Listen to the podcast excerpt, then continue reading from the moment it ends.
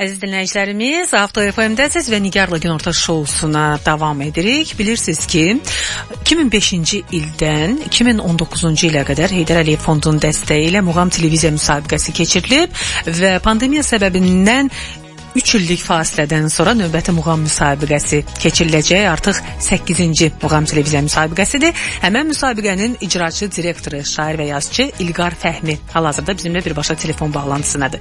İlqar müəllim, hər vaxtınız xeyir olsun. Salamlayıram sizləri. Salamlayıram sizləri. Çox şadam sizə eşitməyə İlqar müəllim və Muğam televiziya müsabiqəsinin növbəti Muğam televiziya müsabiqəsi nə vaxtdan yayımlanacaq? Yəni nə dəyişikliyi var? Ümumiyyətlə tamaşaçıları və dinləyiciləri nə gözləyir? İstəyirəm bu barədə məlumat verəsiniz. Buyurun.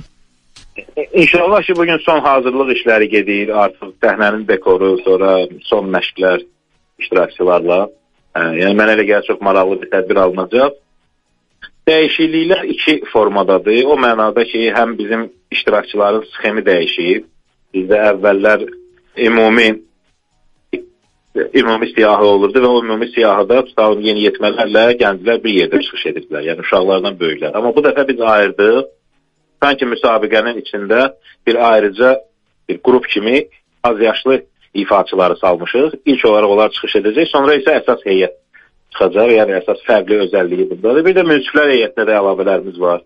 Xalq artisti Teyyub Aslanov, xalq artisti Nəzakət Teymurova, əməkdar artist Fərqanə Qasımova, yəni münsiflər heyətinin tərkibinə daxil edilib. Çox gözəl. Muğam Ayın, bəli, buyurun.